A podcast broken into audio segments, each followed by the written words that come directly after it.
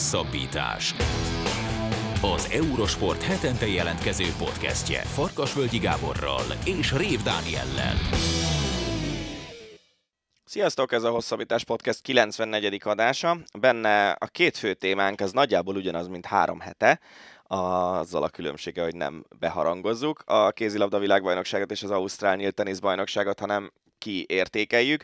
A műsor első része a teniszről szól, Szántó Petrával beszélgetünk arról, hogy mi történt két héten át Melbourneben, Novák Djokovicról külön is beszélünk, hiszen egészen űrteniszt játszott, és természetesen a magyarokat is megemlítjük, méghozzá joggal és okkal. Aztán a műsor második részében a kézilabda világbajnokságról és azon belül a magyar szereplésről beszélgetünk Barta Zoltánnal.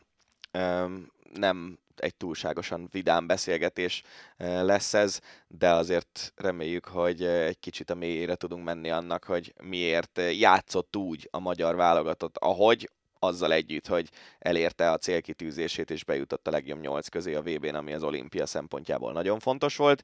Aztán jön az Ácsi benne Nagy Magyarország molinókkal, egy remek hallássérült teniszező eredménnyel Máté Gábortól, egy egészen furcsa balesettel, és beszélgetünk arról is, hogy vajon szabad-e síelnie egy profi focistának, vagy nem, annak érdekében, hogy ne sérüljön meg egy fontos szezon közepén. Úgyhogy így néz ki az eheti podcast, jó szórakozást kívánunk hozzá! Tenisz Tenisszel kezdünk, tehát szia Petra, köszönjük szépen, hogy elfogadtad a meghívásunkat. Én köszönöm, hogy itt lehetek. A, arra gondoltam, hogy ezt az egész Ausztrál Open felvezetőt, illetve felvezetőt, kiértékelőt, ezt kezdhetnénk ezúttal a magyar játékosokkal, mert mindig kevés idő jut rájuk, és, és talán úgy illene, hogyha beszélnénk róluk. Fucsovics Márton és Babos Tíme a párosbeli szereplése adott okot a legtöbb reményre, majd Marci egyesben indult, és Timi párosban, de persze voltak még magyarok, Udvardi Panna, Gáfi Dalma, Bondár Anna, utóbbi egy kört ment, jelen Osztyapenko ellen esett ki a második körben. Hogyan értékeljük a magyar játékosok szereplését Melbourneben? Szerintem fele más módon értékelhetjük. Egyrészt nagyon jó dolog, hogy ennyi magyar van ott a főtáblán. Tehát azért ezt tudni kell, hogy 128-128 játékos, ugye a lányok közül hárman is ben vannak a legjobbak között, Babus Timi ugye a páros mezőnyben, Marci pedig hát szépen szerepelt szerintem az elmúlt években azért Grand Slam tornákon, még akkor is, hogyha a tavalyi év az nagyon rosszul sikerült neki, mind mentálisan, mind fizikálisan. Úgyhogy szerintem ez az Ausztrál Open, ez egy kifejezetten pozitív élmény lehetett neki. Nyert két meccset, egy jó nagy meccset, és aztán 2-0-ra vezetett szettekkel a világ egyik legjobb játékosa, leg leggyorsabb játékos a Janik Sinner ellen, ráadásul nem akármilyen módon vezetett. Tehát ott az az, az, az első két szett, az valami brutálisan jó tenisz volt. Tehát az, én olvastam Twitteren ilyeneket, hogy Novák Djokovic 2.0, meg hol van ez a srác top 10-ből, és az tényleg olyan tenisz volt. Tehát ott, ott, ott Sinner nem játszott rosszul, csak egyszerűen Marci ilyen ilyen élette teniszét nyújtotta. Sajnos csak két szetten keresztül, és hát Grand slam hármat kell nyerni. Színer ezt észrevette, és, és nagyon sokat javított a harmadik játszmától kezdve a játékán, és ennyi volt Marciban, uh-huh. de az a két szett, az viszont nagyon biztató volt. Tehát az, az nem, az nem egy jó tenisz volt, az fenomenális tenisz volt, amit ott láttunk, és ez tényleg, tényleg zseniálisan játszott Marci, úgyhogy én remélem, hogy abból a két szettből ő azért visz annyit tovább, hogy ezt, a, ezt az intervallumot tágítani tudja, amíg így tud játszani. Mert akkor előbb-utóbb összejöhet egy nagyobb skalp, és aztán megint eljuthatunk odáig, hogy mondjuk lesz egy top 50-es, top 40-es, top 30-as, akár top 20-as teniszezünk, aki mondjuk Grand Slam tornákon ott a második hét környékén is ott lehet, és félnek tőle az ellenfelek. Fél tőle bárki. Ennek, bocs, hogy közbeszólok, mi, mi az oka annak, hogy ez két szettig ment? Mentális, fizikális, kettő együtt? Mondjuk azt láttuk, hogy Marci az edzőteremben viszonylag sok időt töltött az elmúlt Igen, Dani Medvegyev is kiemelte.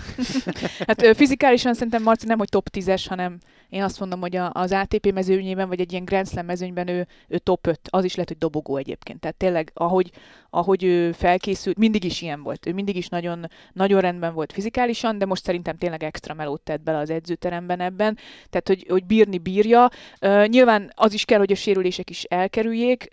Szerintem ez benne volt, hogy a tavalyi év az nem hozott igazán sok tenisz neki, és ezért lehet, hogy ezért állt meg ez a játék két szett után, de ez egy sokkal összetettebb probléma, és, és még egyszer mondom itt az ellenfélre is azért mindenképpen hangsúlyt kell fektetni a világ talán Carlos Alcaraz mellett leggyorsabb játékosa képes volt felvenni a ritmust Marcival, és aztán előbb-utóbb fel is tudta őt őrölni.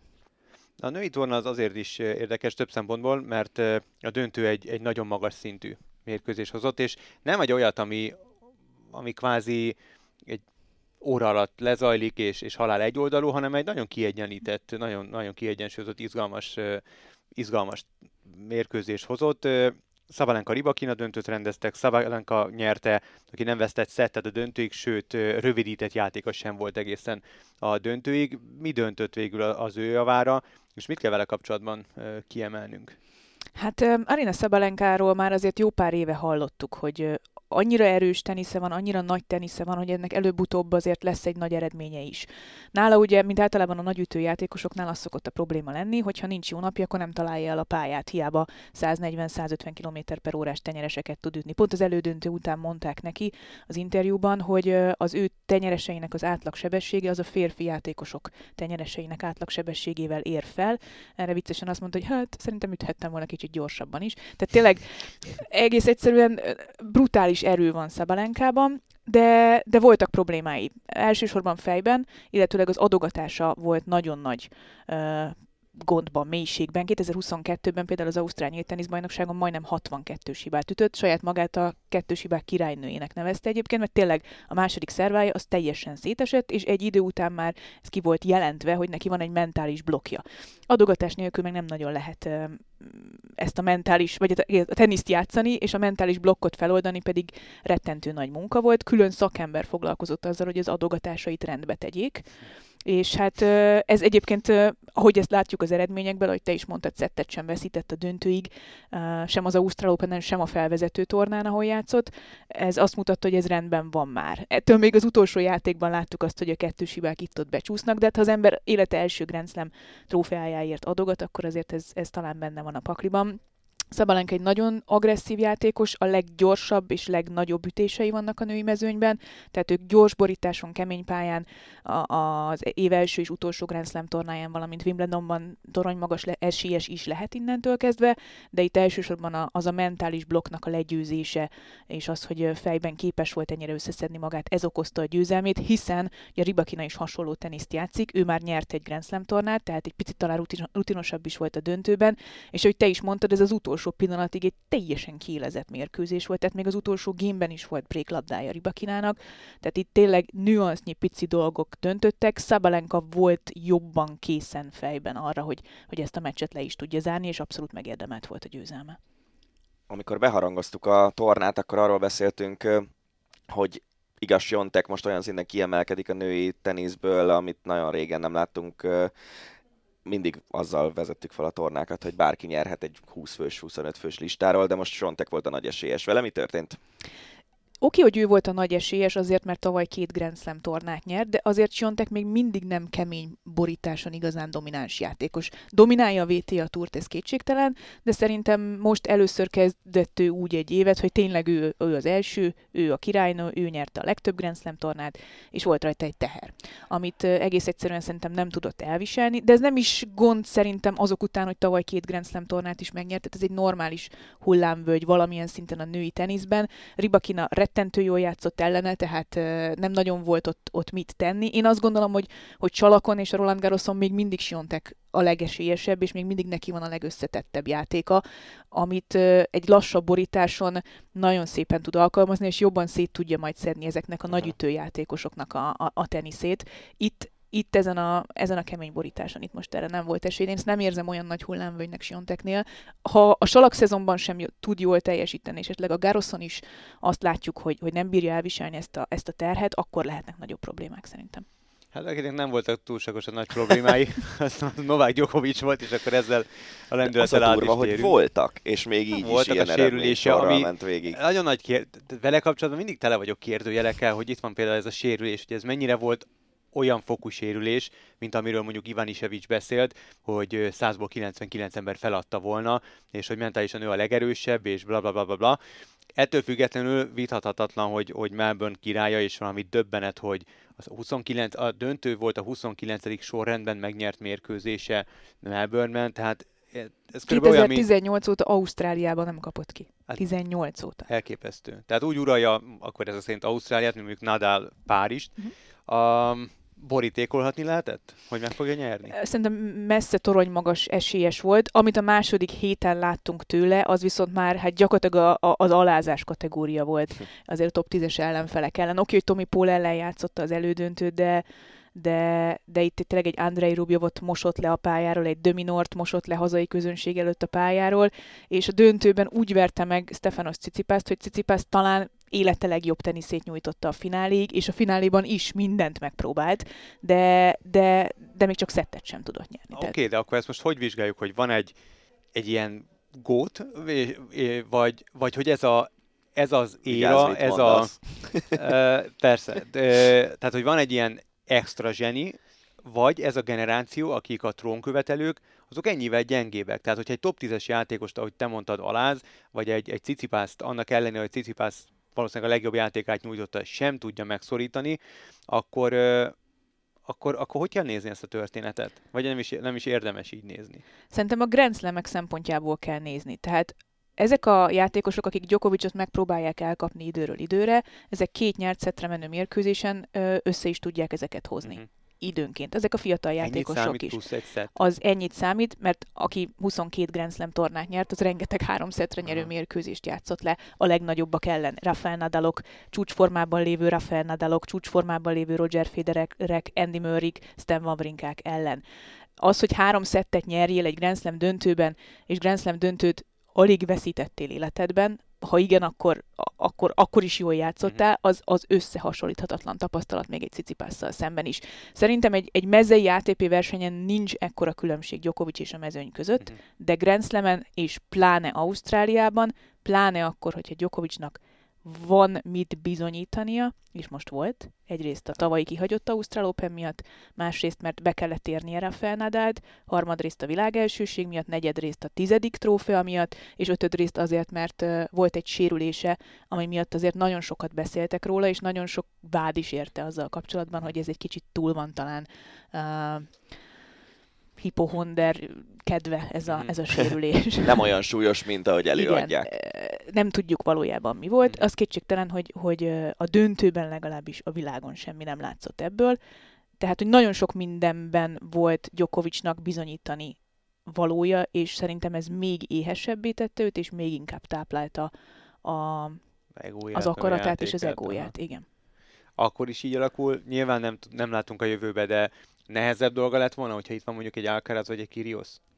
Még mindig azt, tehát hogy cici, ez a Cicipász, akit most láttunk a döntőig vezető úton, és helyenként a döntőben is, ennél sokkal jobb ellenfelet kemény pályán nem lehet kapni. Abban igazad van, hogy egy Alcaraz picit gyorsabb teniszt játszik, Pont azon gondolkoztam egyébként, hogy szerintem a világ legjobb keménypályás játékosait odaállítanánk a döntőbe, és mindenkinek csak egy szettet kell játszani a Djokovic ellen, sem biztos, hogy megverték volna így egybe Djokovicot, mert, mert valahogy ez az Ausztrália, a, a, a Grand Slam, a, a 22, ez, ennek a kombinációja egyszerűen egy teljesen más szintre emelte Djokovicot. Uh-huh. Én őszinte leszek, életemben nem láttam ennyire jól játszani Novák Gyokovicsot, pedig nem gondoltuk Na, volna, hogy igen, nem gondoltam volna, hogy még azt a szintet feljebb lehet vinni, ami, mint mondjuk abban az évben, amikor a naptári Grand Slamért játszott.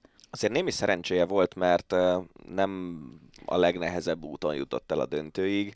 Ugye elődöntő Tommy Paul ellen például, ami óriási meglepetés volt, hogy ő idáig eljutott, és gyakorlatilag az ő részéről a sorsolásnak a nagyobb nevek azért kihullottak ilyen-olyan okokból de, de akkor azt mondod, hogy még hogyha nem tudom, végig kell menni egy olyan útvonalon, hogy csúcsformában lévő Federer, csúcsformában lévő Nadal, csúcsformában lévő Andy Murray mondjuk, akit ugye egy párszor elvert ebben a döntőben, akkor ezt is megoldotta volna ezzel a tenisszel? Szerintem ezzel a tenisszel nehezebben, de megoldotta volna. Uh-huh. Szerintem. Tehát, hogy e- egész egyszerűen ez tényleg egy más, más bolygó volt ez a tenisz, amit láttunk. Erre nincs, nincs jobb szó.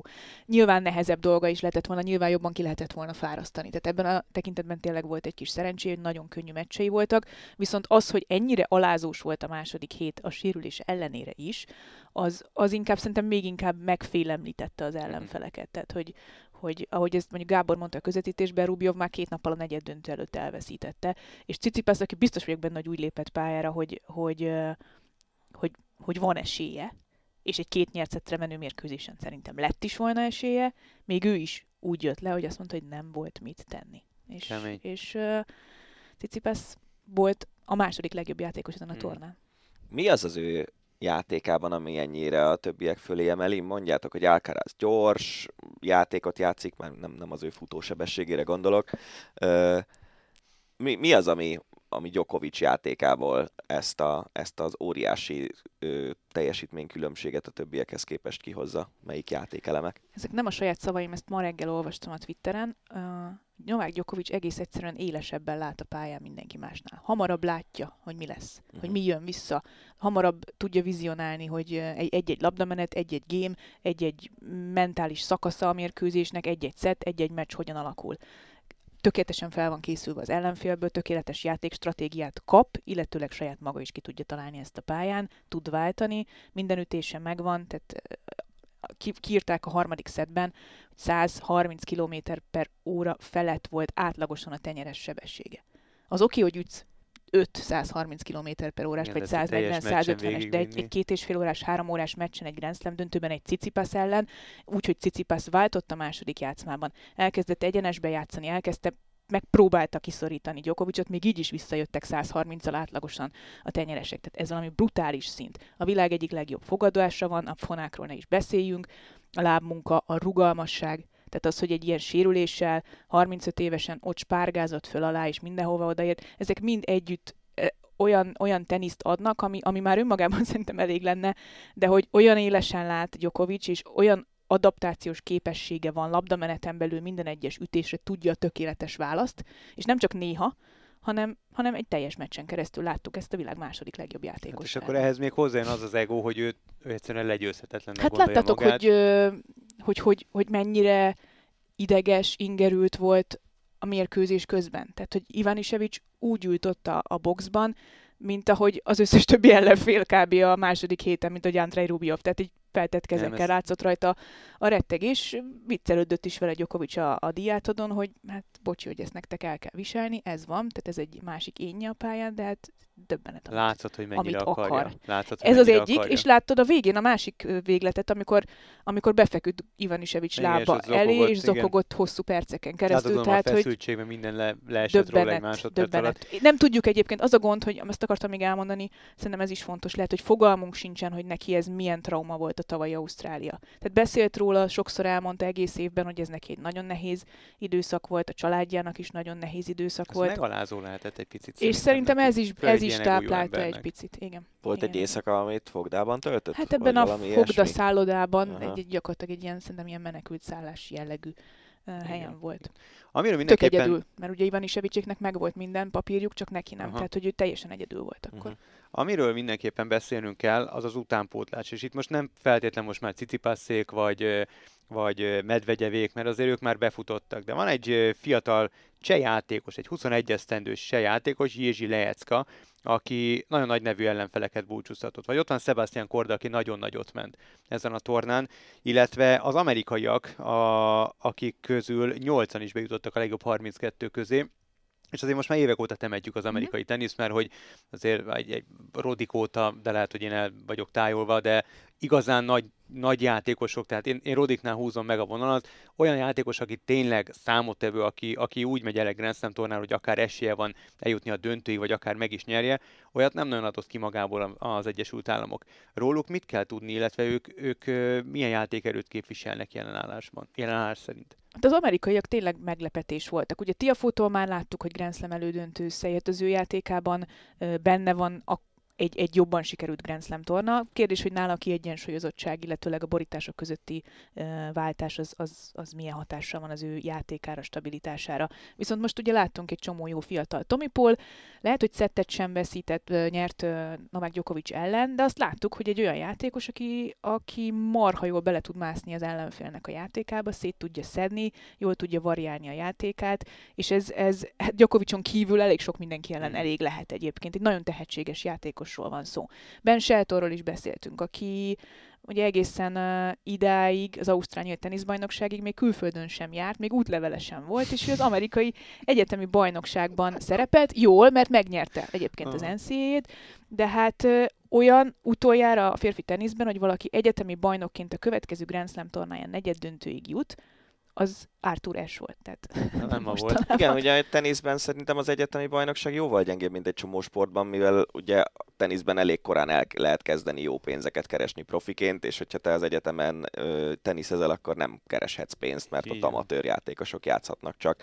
Ez a része érthető. Igen, de Shelton még elég fiatal egyetemi szinten is, tehát hogy neki még, még még bőven ideje lenne akár most is elmenni profinak, és hát nyilván ezek után, az eredmények után el is kell mennie profinak, mert láttuk, hogy egy, egy roppant jó játéka van, tegyik hozzá, hogy neki a szülei azért profi játékosok voltak, tehát ebből a szempontból egy kicsit talán rutinosabb, mint egy átlag egyetemi sportoló, aki, aki jól teniszezik, de mondjuk nem volt meg az anyagi lehetősége, a támogatása, vagy egyáltalán a tehetsége, a képzettsége ahhoz, hogy mondjuk profi legyen belőle. Erre is láttunk példát, tehát mostanában egyre több olyan teniszező van, aki, aki elvégzi az egyetemet nem feltétlenül amerikai játékosként, és utána lesz profi. Annyi, hogy náluk azt látjuk, hogy 26-27 évesek, amikor megérkeznek a legjobbak közé, de ez teniszben jelen pillanatban bőven belefér. Úgyhogy az amerikaiakra oda kell figyelni, és több, több fronton is támadnak ebből a szempontból, tehát hogy jön, jön ki az egyetemi bajnokságból is, van olyan, aki egy picit későn ér, de most kezdett el igazán jó lenni, és vannak fiatalok is, és vannak olyanok is, akikről már régóta tudunk, de, de vártunk rájuk, hogy, hogy nagy áttörés legyen. Jó úton van egyébként az amerikai férfi tenisz ebből a szempontból. Ami a többieket illeti, azért itt a Next Gen világbajnokságon általában felfeltűnnek nevek, és akik ott feltűnnek, azok, azok a következő évben általában nagyot szoktak teljesíteni. Ugye Jirzsi Lácska például játszott Next Gen VB döntőt, tehát róla tudtuk, hogy, hogy nem, nem tehetségtelen, de, de most bizonyította azt, hogy kicsit talán Kordához hasonlóan egy ilyen nagy játéka van, nagy szerva, nagy tenyeres, bátor, vagány, bevállalós, és ez, ez, ez nagyon sokra hivatott szerintem, Lehecskánál talán még kevésbé. Sebastian Korda az, akire szerintem oda kell figyelni, mert aki ellen egy Daniel Medvegyev, aki az egyik legnagyobb uh, elemző a, a teniszpályán, nem talált semmiféle megoldást, és három szedben kikapott tőle, arra oda kell figyelni. Ugye Kordának volt egyedül meccslabdája idén Novák Djokovic ellen, még az Adelaide döntőben. És Kordában, amellett, hogy az apukája szintén azért elég komoly uh, tapasztalatot tud neki átadni, hiszen 25 évvel ezelőtt megnyerte az Ausztrál nyílt teniszbajnokságot. Kordánál azt látjuk, hogy komplett ez a tenisz, tehát nem csak adogatása van, és nem csak alafonalról jó, hanem nagyon képzett a hálónál, és ez rettentő ritka. Nagyon ritka a fiataloknál. Tehát ezt Alcaraz meg Ozsi Aliassim tudja talán még elmondani magáról. A tornát kibeszéltük, egy fél gondolatot beszéljünk a Magyar Davis Kupa válogatott következő állomásáról, ahol ugye Franciaországgal játszunk majd Tatabányán, és ez a 18 közé jutásért megy, tehát a nagy döntőbe kerülésért. Tatabányán? A multifunkciós új sportcsarnokban, igen. Milyen esélyeink lesznek szerinted? Hú, ezt nagyon nehéz megmondani. Az, hogy kemény pályán játszunk, fedett pályán a franciákkal, azt nem egy picit talán nehezíti a dolgunkat. Lehet, hogy salakon több esély lett volna, de hát most február van, tehát hogy egy kicsit nehezebben lehetett volna ezt megoldani, vagy fedett pályás salakpályát kellett volna létrehozni. Azért egy Manarino, Bonzi, Rinderknecht, Mahü négyessel érkezik a francia uh, csapat. Közülük egyébként, tehát ők nem az a francia generáció, mint a Monfils, Tsonga, Gasquet, mert ők már, tehát ők fiatalabbak egy fokkal, de ők mind ott vannak legjobb 40-ben, 50-ben, 60-ban a világranglistán. Tehát jobbak, mint nálunk az első számú játékos, és hát ráadásul Bonzi ugye nagyon jól szerepelt itt az elmúlt néhány hétben, a harmadik fordulóig jutott egyébként az Ausztrál teniszbajnokságon, előtte játszott egy döntőt, Manarino balkezes, tapasztalt, rutinos, Rinderknes nagy szervaröptés, Nikola Maui meg 41 éves, de a világ valaha egy volt egyik legjobb páros játékosa, többszörös Grand Slam bajnok. Tehát ez egy elég összetett francia csapat, Én abban bízom, hogy Fucsovics Marcinak ez a pár hét, amit Ausztráliában töltött, az önbizalmát meghozta. Marcin nagyon-nagyon tud Davis kupában uh-huh. játszani, tehát neki a, a hazai közönség is, és ez a fajta e, csapatverseny, ez nagyon illik, és úgy látom, hogy jó a hangulat a csapatban, és ez általában szokta segíteni a fiatalokat, tehát hogy talán Piros Zsombitól lehetne azt várni még, hogy, hogy valakit elkapjon a, a franciák közül. Mikor lesz ez a párharc február? Most hétvégén. Már most Már hétvégén. most hétvégén, péntek, szombat, vasárnap, ha minden igaz. Úgyhogy uh, szoros lesz. Hát akkor tessék lemenni Tatabányára, drukkolni a fiúknak, aztán hajrá! Hajrá, Magyar Davis Kupa válogatott. Így van. Kézilabda. Kézilabdával folytatjuk, a világbajnokságot fogjuk kiértékelni Varta Zoltánnal, a Sport TV kommentátorával, ahol a magyar válogatott is szerepel természetesen, és végül a nyolcadik helyet szerezte meg. Szia Zoli, köszönjük szépen, hogy elfogadtad a meghívást. Sziasztok, jó napot kívánok, én is köszönöm a lehetőséget ismét. Veled vezettük fel, úgyhogy így volt a logikus, hogy veled is fogjuk kiértékelni a világbajnokságot. Itt a VB alatt a Danival parázsvitákat folytattunk folyamatosan. Én voltam az ördög, ő pedig, ő pedig a- az anyja, ha lehet így mondani. Én voltam a csapat ügyvédje, nem? Na igen, Valami, valami az ilyesmi. ördög ügyvédje. Na, szóval, Sokáig hogy én is. Igazából azért ö, vitáztunk sokat, mert nyilván hát a, a sok minden másért nem, a mi párosunk abban jó, hogyha például kézilabdáról beszélgetünk, akkor én abszolút a laikus szerepét fel tudom venni, és nem is játszom vele meg magam túlzottan, és nekem az volt a legnagyobb gondom itt a kézilabda VB-vel kapcsolatban, néztem is a meccseket már, amennyire tudtam, hogy én csalódásként fogtam fel ezt a nyolcadik helyet. És nem azért, mert úgy harangoztuk be, mindig visszafogottak vagyunk, mert szóval nem azért, mert úgy harangoztuk be, hogy mi itt aztán megnyerünk mindent, hanem mert ilyen nagyon felemás érzésekkel tekintek vissza erre a VB-re. Én azt gondoltam, hogy jobban fogunk szerepelni, annak ellenére, hogy a célkitűzése negyeddöntő volt. Nagyon belerondított nyilván a Dánok elleni mérkőzés, az rengeteg kérdést felvet, csapattal, meg úgy amblok mindennel kapcsolatban.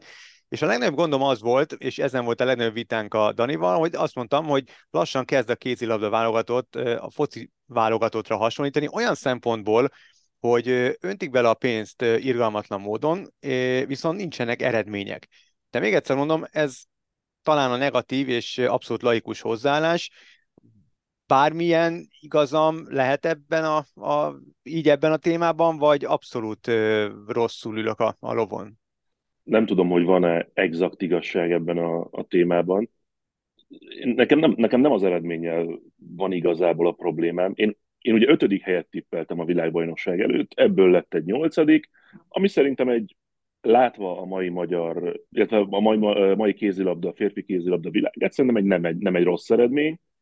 Viszont amit a meccseken láttunk a, a legtöbb mérkőzésen, az, az már úgy kevésbé, kevésbé volt jó érzés. Például nekem a játékkal kapcsolatban ennyire rossz érzéseim ilyen húzamos ideig a tavalyi hazai Európa-bajnokságon, úgyhogy nem jutottunk tovább a csoportból, nem voltak.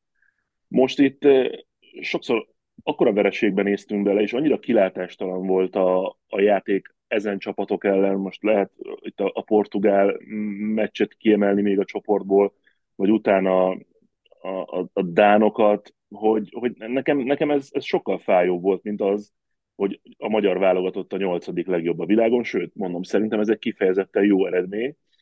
A játék az, az szerintem nem, nem volt annyira jó, sőt az elmúlt években itt a, a, a legvisszafogottabb volt, hogyha, hogyha világeseményeket nézzük, szerintem legalábbis. Én abszolút egyetértek ezzel, és szerintem a nyolcadik egy sokkal jobb, mint a mutatott játék alapján, ahol valóban a, helyünk van. Ugye a lebonyolítási rendszernek köszönhetően egy olyan helyzetbe kerülnek a csapatok, hogy az a nyolc csapat, ami az azonos ágán van a világbajnokságnak, lehet tudni előre, hogy abból mindegyik ágról kettő jut a legjobb nyolcba. És szerintem sok olyan ág lett volna, ahonnan a magyar válogatott nem jut tovább, Egyébként például a portugálok elleni zakó, ami, ami szerintem egyébként a legcsúnyább volt a vereségeink közül, mert ott egy közepesen játszott csapattól kaptunk ki nagyon, az végül ugye nem is számított lényegében abba bele, hogy, hogy hányadikok leszünk, mert a, a portugálok elhullajtottak egy pontot Brazília ellen, meg ők kikaptak Izlandtól. Mi meg Izland legyőzésével végül is a portugálok előtt zártunk pontszámban, úgyhogy az egymás elleni meccs az nem is számított, és, és ennek köszönhetően mi mentünk be a legjobb nyolcba, de szerintem egyébként játékerő alapján erről az ágról az izlandiaknak kellett volna a legjobb nyolcban lenniük. Nagyon jól jött ki az a lépés, hogy egy tényleg talán a legjobb negyed órája, vagy 20 perce volt a válogatottnak az egész világbajnokságon az Izland elleni utolsó 20 perc, és igenis itt akkora annyira szoros a mezőny, annyira sűrűn vannak egymás mögött a csapatok, hogy így jó 20 perccel egy 6 gólos hátrányból is sikerült fordítani, megverni Izlandot, és ezzel, ezzel bejutni a legjobb nyolcba, ami ugye az olimpiai selejtező torna szempontjából fontos, és az, az a selejtező torna az egy nagyon másik kávéház lesz, ott három nap alatt három meccs lesz, az egyik valószínűleg egy gyengébb ellenfél ellen, és a, a másik két ö, meccsből, a két erős elleni meccsből kell kihozni egy olyan eredménysort, amivel az első kettőben van az ember, ami egy sokkal teljesíthetőbb feladat szerintem, mint egy mondjuk egy Európa bajnokságon jól szerepelni. Zoli, te említetted a játékot, hogy ezzel vannak némiképp, ezzel kapcsolatban van hiányérzeted. A, mi az oka annak, hogy hogy nem volt olyan a játék, amit mondjuk akár te, akár a többi szakember várt. Ez azért van, mert mondjuk szakmai kérdéseket kell itt ezzel kapcsolatban föltenni, azért van, mert egy olyan generáció játszik most a válogatottban, amely gyengébb, mint a, mondjuk a Nagy László féle generáció volt, a, az utánpótlás nevelésben kell keresni a hibát, vagy, vagy ennél komplexebb ez a kérdéskör? Kedves vagy. A, a, a, a bölcsekköve nincs nálam. Véleményem természetesen van. Én, én nagyon nem szeretem azt, amikor egy, egy világverseny előtt, ami olimpiai helyről vagy olimpiai kvalifikációs helyről dönthet, azt mondjuk, hogy cél az olimpiai kvalifikációs selejtező torna. Nekem megmondom őszintén, hogy annyira heróton van, mert egy világbajnokságról beszélünk, és lehet azt mondani, vagy úgy kommunikálni, hogy cél a legjobb nyolc közi jutás. Nem az olimpiai selejtező, nem, nem annak kell lebegnie szerintem 2023. januárjában egy kézilabda világbajnokság előtt a, a játékosok, de szerintem egyébként a vezető fejében sem, hú, hogy legyen meg az, az olimpiai kvalifikációs torna. Nem tudom, ti hogy vagytok vele, én aláírtam volna egy mondjuk világbajnoki bronzérmet, de nem jutunk ki az olimpiára. Mert mi van az olimpián, de, de, de ez az egyik része. A másik, hogyha nézzük mondjuk a dánokat, nézzük a svédeket, ezek jobb csapatok, jobb játékosokból állnak, de ez sem, az Izland is egyébként. De ez sem jelenteni azt, hogy nem lehet jó meccset játszani velük, vagy nem lehet megpróbálni megközelíteni a, a magyar válogatottnak a, a valós maximumát. Nem, kell, meg nem lehet azt mindig elérni, de, de a vereségek módja, és amiket mondjuk láttunk, vagy én legalábbis láttam a játékosok arcán, testbeszédén, az, az sajnos nem mindig arról, arról árulkodott, mint az elmúlt világeseményeken, hogy na ide nekem az oroszlánt is, és hiába vagytok jobbak, megpróbálunk, megpróbálunk valami nehézséget okozni legalább. Egyrészt, vagy már ez másodrészt volt. Szerintem nagyon sok lyukas pozíció van most sajnos a, a magyar válogatottban.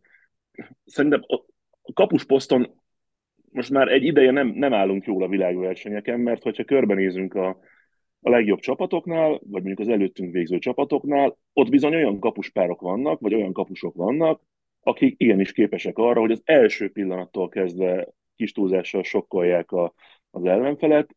Mikler Rolié volt a, az Izland elleni győzelem, szó se róla, de szerintem uzamosabb ideig olyan kapus teljesítményünk sajnos nincsen, ami jó alapot adna, de nem is ez volt a legfőbb probléma, ez csak az egyik szegmens. A szélsőkről régóta beszélünk, az irányító poszt, úgyhogy volt Lékainak is jó meccse, Hanusznak is jó meccse. Szerintem sokkal több hiba csúszik be, akkor, amikor hasonló tempót próbálunk diktálni, mint a világ elitje. Szerintem ez, ez nekünk most ebben a pillanatban nem úgy megy, ahogy szeretnénk. Beszéljünk egy kicsit a az edző kérdéséről.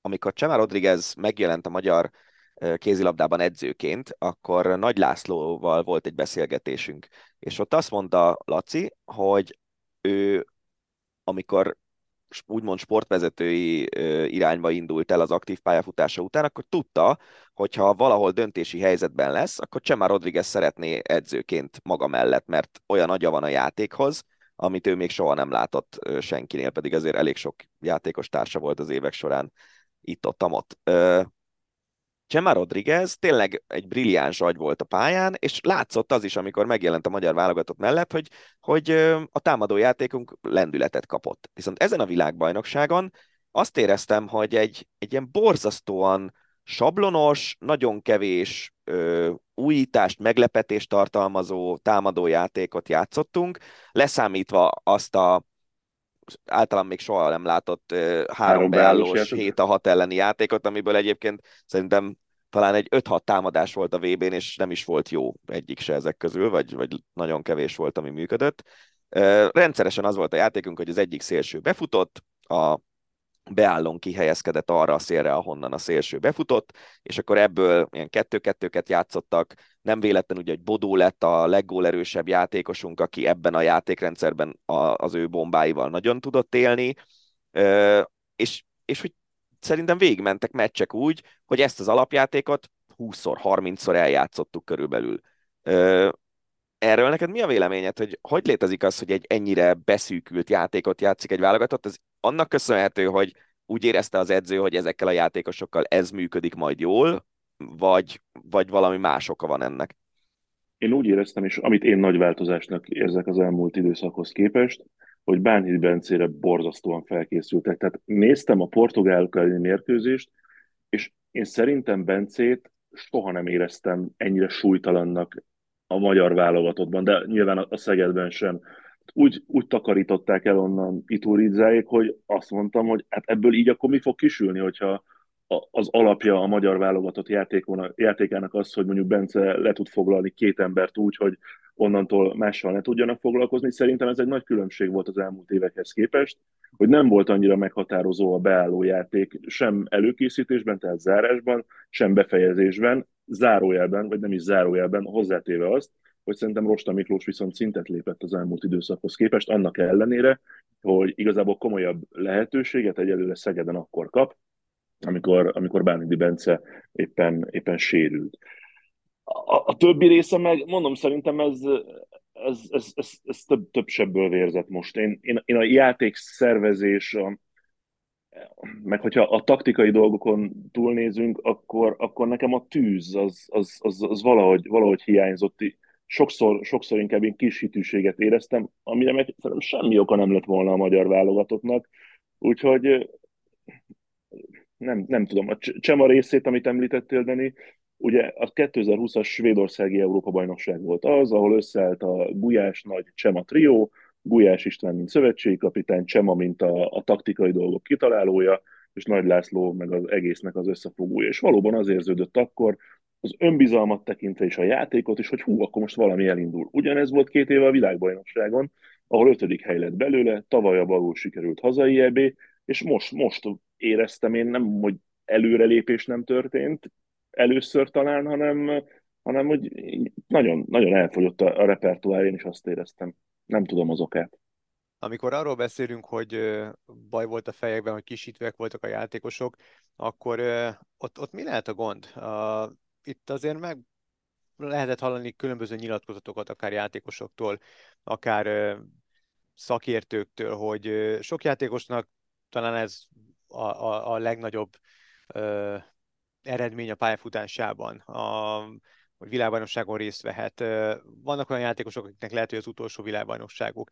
Oké, az olimpiai torna a kiharcolása, selejtező torna kiharcolása sikerült, remélhetőleg az olimpiára kijutnak, és akkor az, az szintén egy nagyon szép teljesítmény, de egy világbajnokságon, amikor egy, az egy ilyen géniusz vezeti a, a, a csapatot, és, és minden adott igazából, akkor, akkor hogy fordulhat elő? Erre, erre, erre volt korábban precedens, hogy ennyire, ennyire kvázi lélektelenül, de ennyire hitehagyottan játszon egy magyar kézilabda válogatott? Nem tudom, és ezért is sajnálom egyébként a portugálok elleni mérkőzés, mert szerintem annak elég komoly jelentősége volt e, e tekintetben. Én szerintem abból a mérkőzésből a magyar játékosok nagyon sok mindent cipeltek egészen a világbajnokság végéig, tehát hogyha ha valahol a kisítőség erősödhetett, és az önbizalom színnek csökkenhetett, akkor az bizony szerintem a portugálok elleni meccs volt. És hogyha arról beszélünk, hogy azt is lehetett olvasni, Nagy László adott egy interjút a, a sportnapi lapnak, amelyben többek között kitért a svédekre, a dánokra, hogy mennyivel gyorsabb kézilabdát játszanak. Megint csak a laikus beszél belőlem, hogyha ennyire látjuk, hogy az ellenfelek milyen játékot játszanak, és mi működik, akkor nem lehet, nyilván ezt a generációt, ezt a csapatot már nem lehet nagyon átnevelni, vagy, vagy fejleszteni egy más fajta játékra, mert ahhoz már öregek. De mondjuk az utánpótlásban nem lehetne ezt a vonalat követni? Ezzel az a baj, legalábbis az én olvasatomban, hogyha megnézzük a Dán, Svéd, Francia, Spanyol csapatot, a teljes keretet, A-sor, B-sor, már ha egyáltalán van ilyen, nézzük már meg, hogy melyik csapatokban játszanak és mennyit, meg mhm. milyen szerepük van, és nézzük már meg a magyar válogatottat, hogy, hogy mely csapatokban játszanak, milyen szinten, milyen ellenfelek ellen. Szerintem ez, ez az egyértelmű különbség, ami meg utánpótlásban nem tudom, hogy hogyan korrigálható. Én nem hiszem azt, hogy a, a svéd játékosok, meg a, a norvégok, meg a franciák, ők 17-18 éves korukra várnak futógépé és egyszerre zsenivé. Szerintem ezt a, a szürke dolgos hétköznapok hozzák meg, az, hogy állandóan mindenki bajnokok ligájában játszik, és játszik, vagy akár Európa ligában, azért a magyar válogatottnál Bánhidi Bence természetesen alapember a Szegednek, Bodóricsi szintén, Szita Zoli a visszatérése óta azért ez, ez rá nem igaz, pláne nem a saját posztján, Ligetvár és Sipos védekeznek a Veszprémben. És bocsánat, még ott van természetesen Mikler Roli a, a Szegedben, meg Rosta Miki. És nagyjából ennyi, van egy irányítónk a Ferencvárosban, Lékai Máté, aki volt már jobb formában, de mondom, volt jó mérkőzése itt is, és ott van Hanu Szegon, aki meg bontogatja a szárnyait a Stuttgartban. Juhász Eden sajnálatos sérülését, sajnos azt, azt tudjuk, hogy, hogy mi történt. Szerintem ez a legnagyobb különbség a, a lejátszott mérkőzések minősége és miensége. Igen, és az az érdekes, hogy annak ellenére, hogy ezt nem tudom hány éve mondjuk, hogy fiatalok, menjetek külföldre, Bundesligában próbáljatok játszani. A Bundesliga ez egy akkora fejlődési lehetőség, ugye ott 34 olyan kőkemény bajnoki, szeptembertől vagy augusztus végén már elkezdődik, június elejéig folyamatosan mennek a meccsek, és mindeközben pedig a, a top csapatok játékosai játszanak az európai porondon is. A, azt a skandináv stílusú játékot, amit amit látunk ezektől a, a szuper csapatoktól, azt a Fradi próbálja valamilyen szinten játszani itt Magyarországon, és nézzük meg, hogy mi az eredménye, hogy elmennek Izlandra egy félamatőr csapat ellen, kapnak 40 gól fölött, a Veszprém ellen játszanak egy 50-40-es meccset, ha jól emlékszem a bajnokságban, 90 gól, agyrém uh-huh. teljesen, Ö, és egész egyszerűen e, ez, ez nem működik. Szerintem a, ami a nagy különbség az az, hogy ezek a csapatok, ezek magasabb tempónál képesek ugyanolyan labdabiztossággal játszani, mint amivel mi tudunk egy alacsonyabb tempónál, és ez a labdabiztosság az, ami, ami tényleg nagyon időigényes dolog, hmm. amit Zoli mondott, hogy, hogy ezt, ezt megszerezzék a játékosok.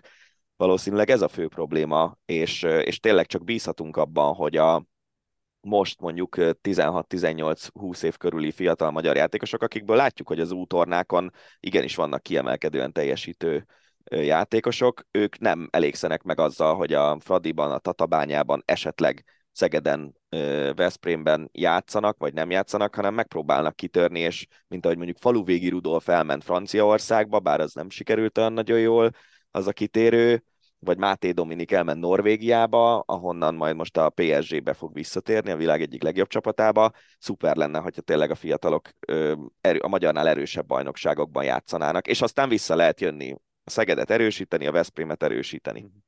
Illetve, hogyha minden igaz, és lehet hinni a, a román lapértesüléseknek, akkor Rosta Miklós pedig a, a Dinamo Bukarest játékosa lesz, annál a Csavi Pascualnál dolgozhat, aki 60 darab trófeát nyert meg a Barszával. Mindent, szinte mindig, kis túlzásra persze. Szerintem ez is jó döntés, de, de mellette meg sok mindent elárul.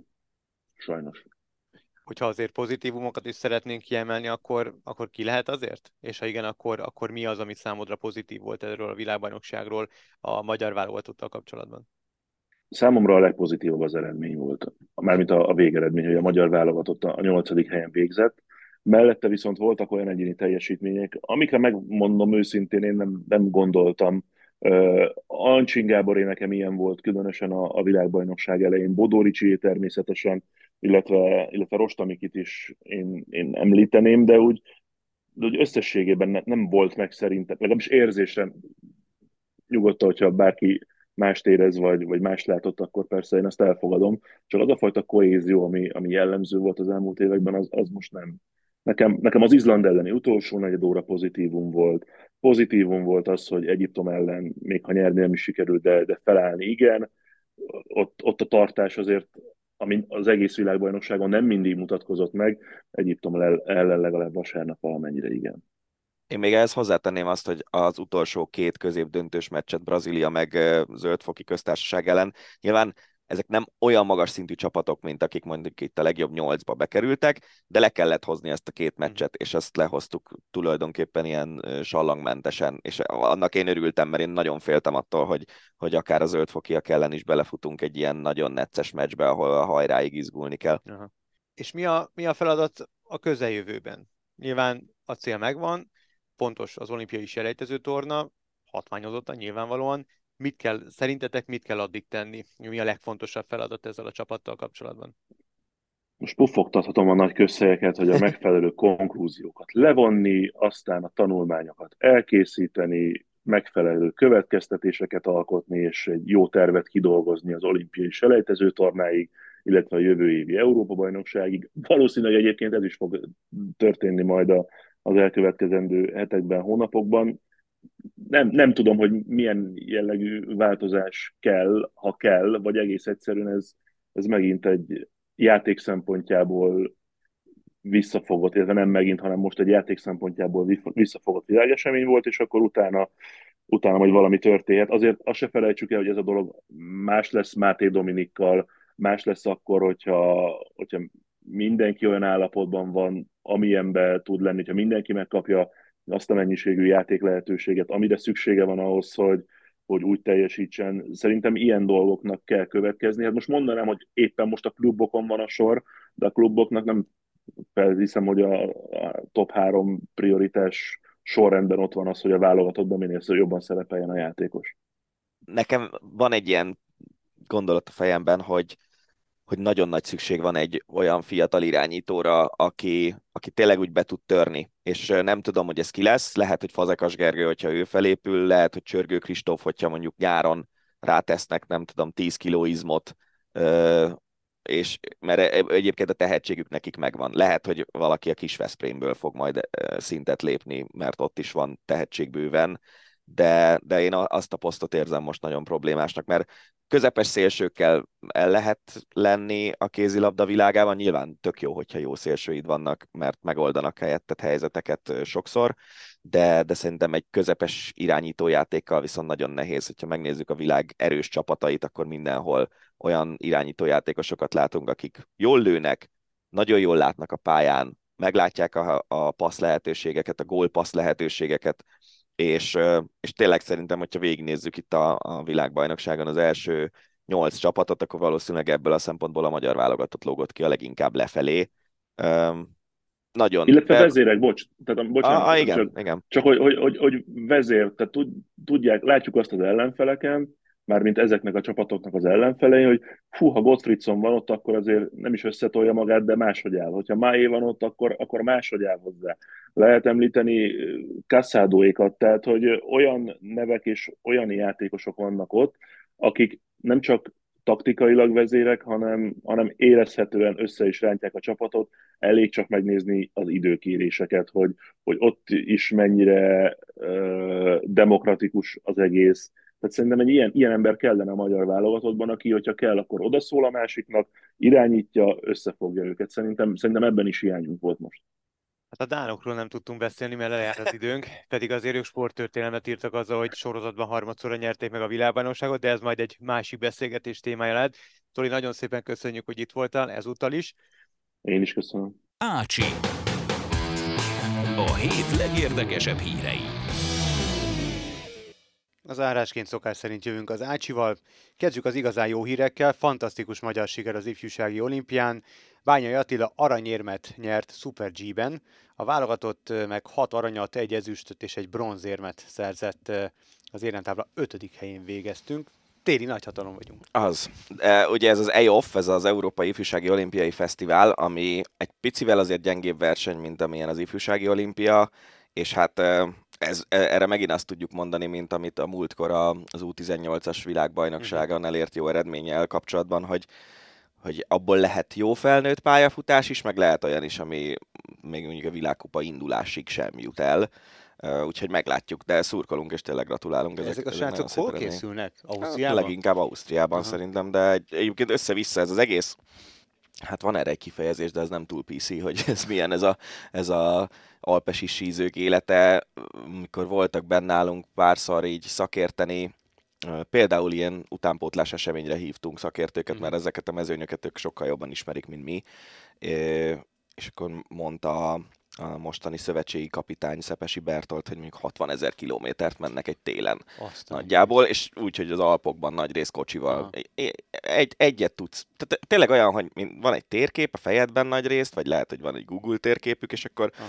most nem tudom, versenyem van szerdán itt, akkor előtte kedden tudok edzeni 50 kilométerrel arrébb egy párat, Világos. akkor megyek oda edzeni, akkor, és tényleg így, így megy végig, és még a magas szintű, még az a, a világkupa sízők is körülbelül ilyenek, hogy tény, elmarad Zágrában a verseny, akkor nem egyből megyünk Kranskagórába, hanem elmegyünk még Ausztriában, mm. Kranskagórától mondjuk egy órányira valami van, egy lejtő, ahol lehet jót edzeni, és akkor ott edz egy délelőttet a sífrin. Tehát, hogy ez, ez egy nagyon, nagyon fárasztó élet, és, és ja, szerintem ők is, ők is nem is olcsó. Hát, az meg végképp nem, persze. Az UEFA Fair Football Against Racism in Europe diszkrimináció ellenes csoportja megtiltotta, hogy Nagy Magyarországot ábrázoló zászlót aggassanak vagy lengessenek a szurkolók válogatott, tehát nemzetközi meccseken. Az MLS felé természetesen záporoznak a gyalászódó kommentek, hogy gyávák, és hogy ezt nem így kéne intézni. Szijjártó eh, külügyminiszterünk önkéntes munkásőröknek nevezte a szervezet dolgozóit, és azt mondta, hogy halvány fogalmuk sincs a magyar történelemről. A hazai találkozókon lehet használni az ilyen zászlókat, a nemzetközi meccseken viszont tilos. Szerintem minden ilyet úgy kell nézni, hogyha megfordítod, akkor mit gondolnál. Mit gondolnál mondjuk, hogyha a román válogatott meccsén egy olyan térkép lenne, ami a Tiszáig viszi Románia határait, és értem, hogy sose volt ilyen, és Magyarországnak ezer éves történelme van, de az a magyar állam, ami a Nagy Magyarország térképeken szerepel, az egy nagyon multikulturális, multietnikumú ország volt, összehasonlíthatatlan a mai Magyarországgal, nagyon-nagyon sok kérdést mindenféle gazdasági, szociális, etnikai, és a többi, tényleg szinte az életünknek minden részét ö, felölelő kérdést kéne tisztázni ahhoz, hogy mondjuk Magyarország ö, területét megnöveljük azokkal a részekkel, ahol magyarok élnek ma, most ez mindenki eldöntheti, hogy melyik oldalon áll ebben a kérdésben. Az, hogy a foci meccsen mi van, tehát tényleg szerintem ezt, ezt innen kell nézni, hogy, mm. hogy nem, nem hiszem, hogy jó ötlet bármi olyat kirakni, ami sérti egy embereknek a, az önérzetét, és igen, a Nagy Magyarország zászló sérti embereknek az önérzetét. Nem tudom, hogy hol van ennek a határa, hogy, hogy meddig fontosabb az, hogy mi ezzel kifejez, ki szeretnénk fejezni a, a saját érzéseinket ezzel kapcsolatban, meg meddig tart az, hogy a románoknak, meg a környékbeli nemzeteknek meg ez nagyon nem tetszik. Szóval szerintem ez, ez nem egy ilyen fekete vagy fehér kérdés, és például ezért lenne jó, hogyha mondjuk Magyarországnak jó lenne a UEFA-nál, meg a FIFA-nál lévő ilyen szurkolókkal kapcsolatos ö, helyzete, és nem az lenne, hogy állandóan zárt kapukat kapunk, meg ilyen-olyan incidensek vannak, akkor lehet, hogy az ilyen ügyekben egy fokkal e, kellemesebb elbírálást kapnánk. Lehet, borzasztóan kényes téma. Én is úgy gondolom, és nincsen jó megoldás szerintem mert eh, ha lehet, akkor pontosan az, ha lehet lengetni, lehet használni, akkor azzal másokat sértünk, ha nem, akkor viszont nyilván az UEFA kihúzza a gyufát a magyar szurkolóknál, és eh, és DAFKE lesznek zászlók. Persze. Ha DAFKE lesznek zászlók, akkor, akkor nyilván ők, lesznek. akkor jönnek a büntetések, jönnek az árkapus meccsek, és azzal meg megint kit büntetünk, válogatott, az meg hát és... saját magunkat, de ettől függetlenül meg, meg tudom érteni, a, ezt az egész a problémát, a forrását, egy borzasztóan kényes téma, és ö, szerintem itt nem, itt nem lehet jó megoldást találni. Nem, viszont az, az érdekes, hogy ez a rasszizmus ellenes szervezet az miért foglalkozik ezzel, mert ugye itt rasszizmusról nincs szó. Igen. Ez más. Szalai Ádám távozik a Bázel csapatától. Hát nagyon sokat foglalkoztunk ezzel a, ezzel a hírrel, hiszen volt olyan is, hogy nem látogathatta az edzéseket, volt olyan, hogy leküldték a fakóba, volt olyan, hogy bírósági végzéssel Ádám visszajuttatta magát a, a keretbe, aztán volt olyan, hogy nem utazhatott el az edzőtáborba. Én nem tudom, hogy ez hogy alakult így ez a kapcsolat, mert erről aztán semmit nem lehet tudni, meg hallani. Minden esetre jó, hogy vége van. Én nagyon kíváncsi vagyok arra, hogy, hogy Szalai Ádám ezzel befejezi a klubfocit, vagy, vagy mert azt írt az Instagram oldalára, hogy megyünk tovább, és kvázi, hogy lesz folytatása, illetve hogyha lesz folytatása, akkor hol lesz folytatása. Mert szerintem klubfociban van még benne. Tehát lehet, hogy a válogatottól visszavonult, de, de klubfociban van még benne, úgyhogy nagyon kíváncsian várom a következő híreket. Hiszen az 55 éves Kazuyoshi Miura is folytatja a pályafutását a Portugál kettőben.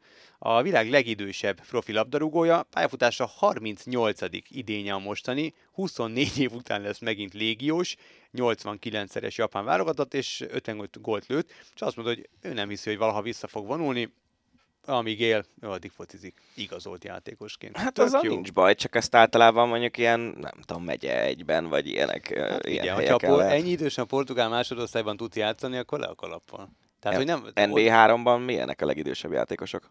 Hát nem tudom, van mindenféle. De hogy van mondjuk 40 van fölöttiek hát, vannak? Van, van, van, van, van.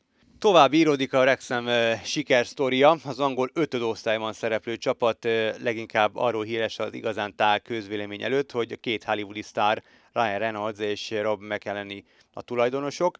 Az FA Kupa negyedik körében a Sheffield United-del játszottak 3-3-as döntetlent, és így újrajátszás következik. Nagyon röhögtem. Blake Lively, aki szintén színésznő, igen. Ryan Reynolds felesége. Ryan Reynoldsnak a felesége, igen, és azt hiszem, hogy már most a negyedik gyermekükkel terhes, vagy, vagy mostanában születik a, a baba az Instagramra kirakott egy képet, hogy képzeljétek, előfizettem az ESPN Plus-ra, hogy tudjam nézni a Wrexham Sheffield FA kupa meccset, és egyébként emlékszel, én már sokszor mondtam szerintem, hogy mennyire szeretem az FA kupát, Igen. amikor a, a heted osztályú játszik a másodosztályúval egy ilyen rangadót, vagy, vagy ne, ne adj Isten, mondjuk egy negyedosztályú csapathoz elvetődik egy tényleg Premier League sztár csapat, hogy annak mekkora az mekkora élmény, az itt több évtizedre hát kiható, Persze. mint ahogy Ivánccsán is Ugyan évtizedekig fognak emlékezni a Fradi kiverésére. Így van. Ne, ezek jó sztorik, és nyilván itt most a sport részét kellene nézni, de azért így a Margo mellett megjegyezném, hogy mentén, hogy a Ryan Reynolds és Blake Lively-nak a, az Instagram üzengetései azok borzasztóan viccesek, mert állandóan marják egymást viccesen természetesen, és üzengetnek jobbra-balra. De visszatérve a Rexemre, ez egy, ez egy nagyon édes sztori, és nagyon kíváncsi vagyok, hogy, hogy az újrajátszást azt hogy fogják megúrani, le tudják győzni a Sheffieldet, vagy sem. 70 csapat van köztük, ezt Ryan Reynolds tette ki az Instagramjára, tehát ez Dávid és Góliát csatája volt az a mérkőzés, meglátjuk, hogy mi lesz a folytatása. Könyv jelent meg Zsuzsák Balázsról, karrierét foglalja össze, az NS és az MLS közösen hozta össze, Dénes Tamás szerkesztette. Amikor először megláttam, kicsit így, így csodálkoztam, hogy picit túl van tolva a történet, de aztán olvastam azt is, hogy Király Gábor és Gera Zoltán is megkapta ezt búcsúja alkalmából, tehát készült hasonló kiadvány, úgyhogy végül is miért ne készülhetett volna Zsuzsák Balázsról is. Kíváncsi vagyok, hogy ezt hányan olvassák el.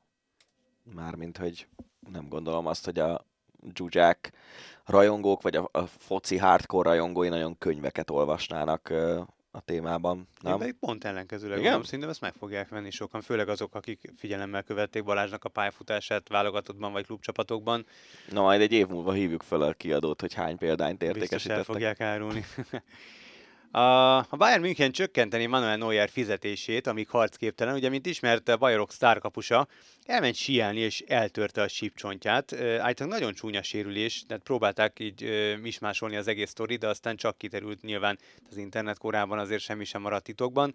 Úgyhogy csúnyan eltörte a lábát, és hát az idén végig természetesen kiesett, új kapust kellett igazolni a Bayernnek, a Gladbachtól Zommerre esett a választásuk, és és hát nyilván hát ez egy, ez egy üzlet. Neuernek természetesen csillagászati a fizetése, és amíg harcképtelen, ráadásul a saját baromságából, addig, addig nem óhajtja a Bayern, még akkor sem, hogyha egy nagyon tehetős klub fizetni a, a jussát. Én azt nem értem, hogy azért ilyen szinten, de még alacsonyabb szinteken is egy, egy futbalistának a szerződésében benne van az, hogy, hogy extrém sportokat, és akármennyire is a sí nem számít a hétköznapi életben extrémnek, de egy, vála, egy labdarúgó vagy egy profi sportoló életében, aki ráadásul a lábával keresi a kenyerét, az, a, annak, annak, az, annak számít, hogy hogy hogy vette a bátorságot, vagy hogy nincs benne a szerződésébe, hogy már pedig te síelni nem mész, öcsém. Hát vagy valami olyan biztosítást kéne kötni, ami lényegében mondjuk fedezi egy baleset esetén az ő fizetését, és akkor nincs ez, hogy itt pénzeken megy az egyezkedés. De ez ugye, erről beszélgettünk már szerintem, és, és pont mondtam, hogy, hogy sokáig azon a véleményen voltam, amit most mondtál, hogy, hogy egy profi sportoló ezt nem teheti meg, de közben meg azt is érzem, hogy ha nem nincsenek hobbiai, akkor kiég, és, és azért a síelés az nem egy olyan veszélyes dolog, tehát az nem, nem repülőgépekből ugrálsz ki, bár egyébként állítólag az se veszélyes, de az nekem kicsit annak tűnik. Hogy hány ember megy el síelni mondjuk egy télen az Alpokba úgy, hogy nem lesz semmi baja. Igen, Nagyon csak nekem pici. mindig az van, hogy az ördög nem alszik. Igen, és... de ugyanennyi erővel ugye egy autóbalesetben is eltörhetné Hát, a lábát, persze. tehát hogy körülbelül hasonló százaléka Igen, csak az, van hogy mondjam, tehát az, az egy olyan dolog, amire nincsen hatásod. Arra van hatásod, hogy nem mész el síelni, és uh, találsz más hobbit, érted? Menj el snookerezni, most mondtam, hogy fasság. És mi van, Tehát, hogyha, hogy nem tudom, Jó, jó, persze. beleáll a egy seggébe a és dákó, eltörik. és nem tudom, tehát hogy valami tud tudom. történni ott is. Én ezzel, ezzel abszolút egyet tudok érteni. Egy, egy labdarúgó, ráadásul egy ilyen szinten, az nem menjen síelni. Tehát az, az, azt keressen más hobbit magának, uh, síeljen akkor majd, amikor, vég, amikor visszavonul, amikor, amikor nincsen kitéve ilyen fokú használatnak. Ez nekem És- nem fér bele. És ugyanezt mondanád akkor is, ha nem a kedvenc csapatot kapusát Abszolút, el? abszolút, abszolút ezt mondanám. Jó. Egy másik örömteli magyar hír, vagy magyar vonatkozású hír, Máté Gábor győzött az Ausztrál Openen hallássérülteknek kiírt betét versenyen. Ez volt az első alkalom, hogy kiírtak egy ilyen verseny Grand Slam tornán. Játszmavesztés nélkül nyerte a tornát. Máté Gábor, innen is gratulálunk neki. NFL. Aaron Rodgers a főszereplő elcserélheti a Green Bay, lehet, hogy ezt már régebb óta meg kellett volna lépniük, vagy korábban. 39 éves irányító legendáról beszélünk, aki természetesen horror fizetést kap, és ezért azért igencsak kérdéses, hogy ki tudja kicsengetni ezt a búsás összeget egy esetleges csereügylet kapcsán, illetve hogy ki meri megkockáztatni, hogy egy 39 éves, amúgy nem túl szociális irányítót leigazol a csapatába. Hát ez, ez visszavezet oda, amiről Zolival beszéltünk, hogy, hogy annyira kiemelkedően fontos poszt az irányító poszt a, a sportban, hogy szerintem nagyon sok csapat kockára teszi a, akár a középtávú jövőjét azért, hogy hát ha Aaron rodgers egy pár évig még tudnak a, a legjobbak között lenni és Super Bowlért harcolni. Van olyan csapat, ahol el tudnád képzelni? Hol is volt? Ja igen, a Jetsnél Joe Német a magyar származású irányító, akinek a 12-es messzáma vissza van vonultatva. Ő egyből mondta, hogy ha a Jetsbe igazol, akkor megengedi Rodgersnek, hogy a 12-esben játszon. Hoppá. Nem tudom, mert most annyira nem vagyok benne az NFL-ben.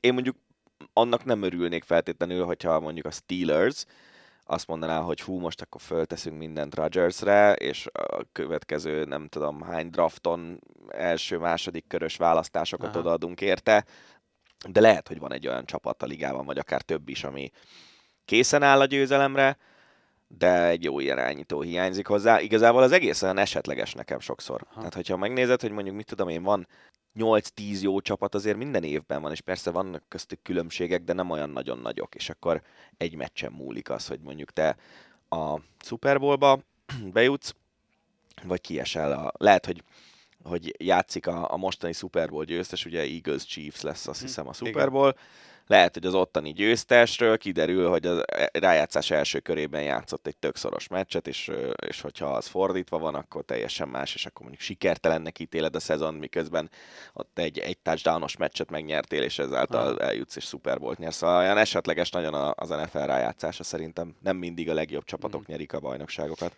Hát kíváncsi vagyok. Nagyon nehéz elképzelni, nem mint hogyha a Green Bay vagy, vagy Aaron Rodgers fan lennék, de úgy nehezen képzelem előtt más mezben, de hát mondjuk kigondoltam, hogy Tom Brady is elmegy majd a Patriotsból. Hát egy kicsit kontrasztos a következő hír, Appor Richardról szól, a Magyarország Magyarország jelenlegi legsikeresebb és első számú sakkozójáról, aki most már nem Magyarország első számú és legsikeresebb sakkozója, hanem román színekbe indul. Már hogy kiderült, hogy többnyi, vagy valószínűleg azért ö, hagyta el az országot, és, ö, és versenyzik ö, román színekben, mert hogy kemény 1 millió forintot kapott a Magyar Sakszövetségtől egy évre. Döbbenet. Hát ez elég döbbenetes, és ráadásul a másik döbbenetes meg az, hogy ezt az adatot is ugye ilyen, nem tudom, közérdekű Aha. adatigényléssel kell kiperelni a Magyar Sakszövetségből. Most mit mondjak A erre? világ ötödik legjobb sakkozójáról beszélünk. Igen, tehát, hogy emlékszem, Vagy hogy ment akkor itt a lehet- mismásolás, hogy nem értjük, és hogy így, meg úgy, és nyilván olyan nagyon nem bántották, tehát azért emlékszem, amikor kirobbant ez a hír, hogy ő, ő román színekben mondjuk ezek után erős lett volna, hogyha még De bele is akkor, szállnak. tehát azért annyira nem voltak kemények, hogy azt mondták volna, hogy figyelj, megértjük, mert hogy mi csak ennyi pénzt tudtunk volna nekik fizetni, és akkor felmutatják a szerződést, és mindenki látja, hogy hát egy millió forintot kap, az, az mire elég, tehát versenyszerű sportolással nem. És akkor oké, okay, értjük, fáj, hogy Romániába, fáj, fáj hogy, hogy idegen ország színét képviseli, de, de megértjük. De így, hogy tényleg úgy kellett kiperelni tőlük ezt a, ezt a, a, a szerződést, azért ez egy kicsit más színben világítja meg ezt az egész történetet. Hát igen. Um, mutatja szerintem azt, hogy a saknak mondjuk mennyire van fontos szerepe a magyar sport hierarchiában jelenleg. Na ja. Drága volt kollégánk Vásárhelyi Tamás írt nekünk a minap, talán pont tegnap, az Australian Open döntőjét követően, hogy állandó hallgatunk, ezúton is köszönjük szépen neki, és hogy nagyon szívesen meghallgatná a véleményünket Novák Djokovicról, a, pontosabban arról a monológról, amit a döntőben mondott, miután átvette, vagy mielőtt átvette a győztesnek járó trófeát. Ugye a lényege az volt ennek az egész speechnek, hogy kiemelte nyilván itt ugye ilyenkor a, a döntőbeli résztvevőket kihívják egy pódiumra, és, és ott megköszönik a stábnak, a stábjuknak, a szurkolóknak, a labdaszedőknek, a szervezőknek, stb. stb. mindenkinek, meghajolnak egymás előtt, és mindenki megdicséri a másikat, hogy milyen jól játszott, és Novák Djokovic ö, utána azt mondta, egy elég hosszú monológ, tehát szokatlanul hosszú monológot nyomott, és abban azt fejtegette, hogy Ugye ő is, illetve Stef- Stefanos Tsitsipas is egy kis országból jött, nem feltétlenül tenisz nagyhatalomról beszélünk, amikor Szerbiát vagy éppen Görögországot említjük, és az ő győzelmük, illetve az ő szereplésük a Grand Slam döntőben is azt példázza, hogy semmi sem lehetetlen, hogy kis országból is el lehet jutni, és nagy célokat lehet a szemünk előtt tervezgetni, és hogyha van bármiféle ha csak egy olyan ember van, aki támogat titeket a pályafutásotok során, akkor kapaszkodjatok bele, és tegyetek meg mindent a sikerért. Egy nagyon megindító és nagyon elgondolkodtató monológot hallhattunk a, a jelenlegi világ elsőtől. Megmondom őszintén, én nagyon sokszor úgy gondolom, hogy, hogy Djokovic művi, és, és előre meg van komponálva szinte minden lépése, de ez a nyilatkozat, nyilatkozat ez, a, ez a monológ, ez a speech, ez, ez nekem nagyon, nagyon szimpatikus volt. Én bevallom őszintén, hogy ezt nem hallottam, mert amikor véget ért az Ausztrál Open döntője, akkor átkapcsoltunk az Eurosport 2-re, és megnéztük, hogy Schifrin utolérje uh, Stenmarkot. Igen. Ö, végül nem érte utol, és nem tudom, tehát hogy nekem azért van egy olyan gondolat a fejemben, bármilyen teniszezővel kapcsolatban, hogy ők azért nem a nem, nagyon ritkán, nagyon-nagyon ritkán jönnek a társadalom alsó részeiből. És persze, én teljes mértékben elismerem azt, hogy szar lehetett megélni a jugoszláv háborút, néhány éves kisgyerekként, stb. stb. Sokkal jobb gyerekkora is lehetett volna Gyokovicsnak, de nekem ez a kis ország nagy győzelme, meg nem tudom, ezek a dolgok, ezek valahogy olyan sose, sose voltak annyira szimpatikusak, mert persze benned van, de mondjuk az, hogy Djokovicból mi lett, annak már maximum a szerb mentalitásnak van hozzá köze, amit szerintem egyébként az egyik legnagyobb ereje Djokovic személyének, meg a pályán lévő Djokovicnak, hogy, hogy hozza magával ezt a vértiszunk mentalitást, amivel általában a szerb csapatok is játszani szoktak. De nem gondolnám azt, hogy, hogy az, hogy, hogy ő kis országból jön, az olyan nagyon-nagyon befolyásolta volna az ő pályafutását. Azt, azt tudni, hogy Stefanos Tsitsipasnak a szülei teniszezők voltak, ö, profi teniszező volt az édesanyja, tenisz edző az édesapja, tehát ő igazából beleszületett ebbe az egészbe, és már ö, hat éves ö, kora óta versenyeztették, juniorként világelső volt. Tehát, Djokovic ö, is hat éves korától már ilyen tenisztáborokba járt, és látszott rajta, hogy, tehát, hogy a szerb, szerb utánpótlásban nevelték őt folyamatosan.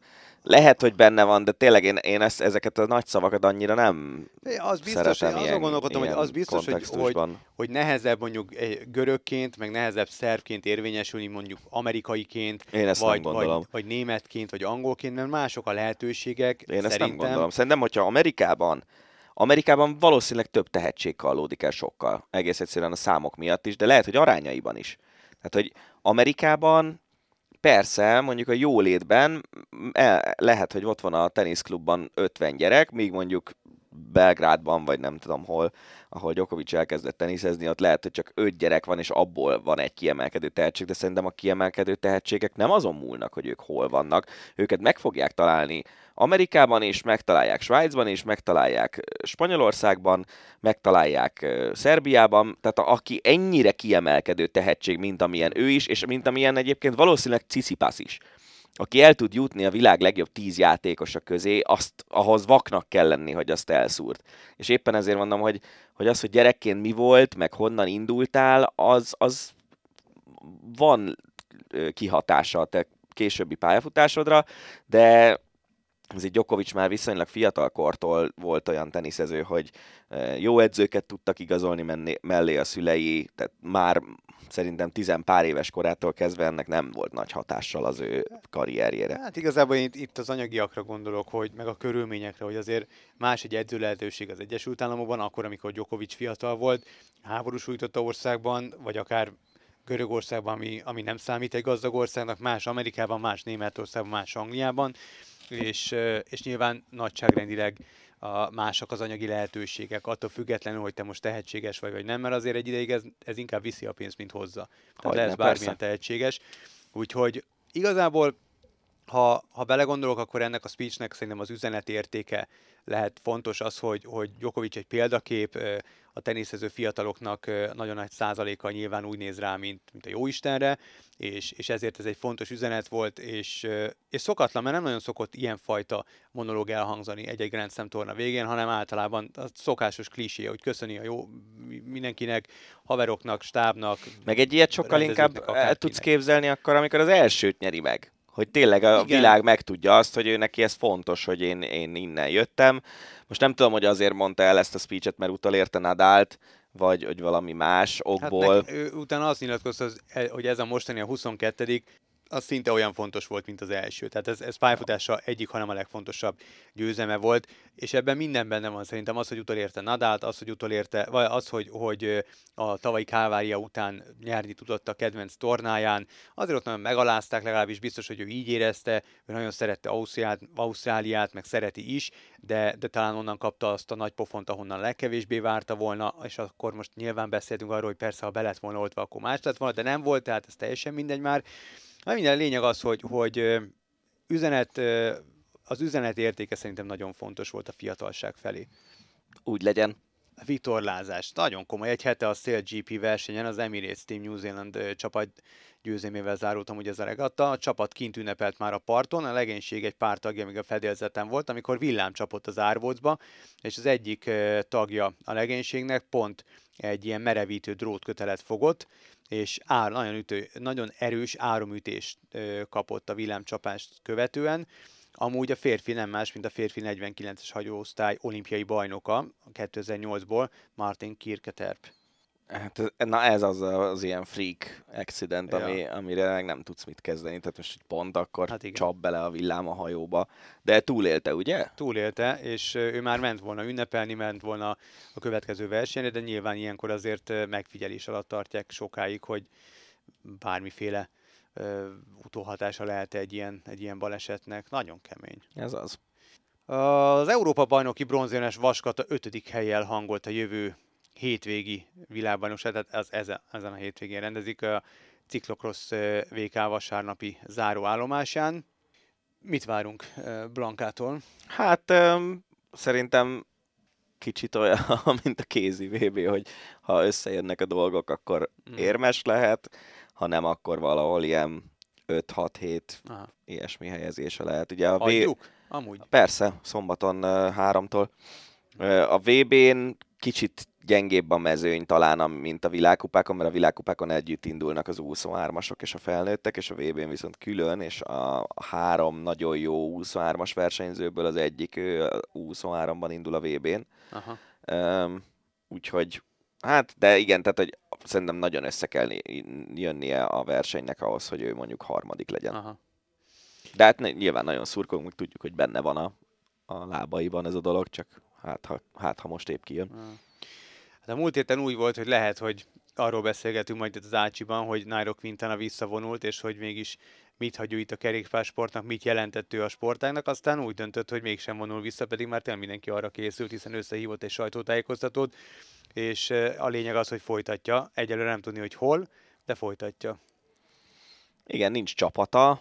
Nyáron volt egy ugye a Tour de France után a ilyen száraz vérmintából kimutatták, hogy tramadol volt a szervezetében, ami egy fájdalomcsillapító, és ami az UCI által, a Nemzetközi Kerékpáros Szövetség által be van tiltva, VADA által viszont nincsen. Tehát ezt az első ilyen tramadolos esetet, az, az egy sima olyan ö, szabálytalanság, mint, mint bármelyik, mhm. nem jár eltiltással.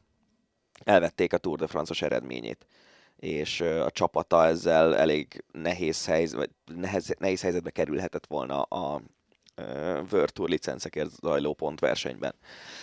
Mert ez egy nagyon nagy pontértékű eredmény volt. Um, igazából tényleg az az érdekes, hogy van Quintana esete, meg van Miguel Ángel López esete.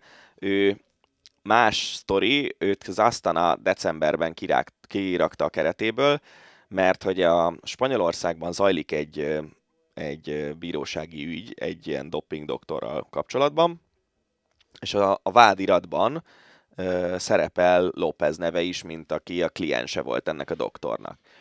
De ugye az a sztori, hogy Spanyolországban a dopingolás az nem bűncselekmény, viszont dopinggal ellátni valakit, az igen. Aha. Tehát itt az orvosokra megy rá a, a, az igazságszolgáltatás, és, és ez az orvos, akinek a szava hihetősége az ugye kérdőjeles, ő azt mondta egy ilyen vallomástétel során, hogy ő tűzbe teszi a kezét, hogy López nem doppingolt soha, vagy nem soha, de hogy tőle nem kapott mhm. doppingot, hanem csak azért került elő a neve telefonkönyvből, meg ilyenek, mert táplálkozási, meg táplálék kiegészítőkkel kapcsolatos tanácsokat mhm. adott neki az orvos.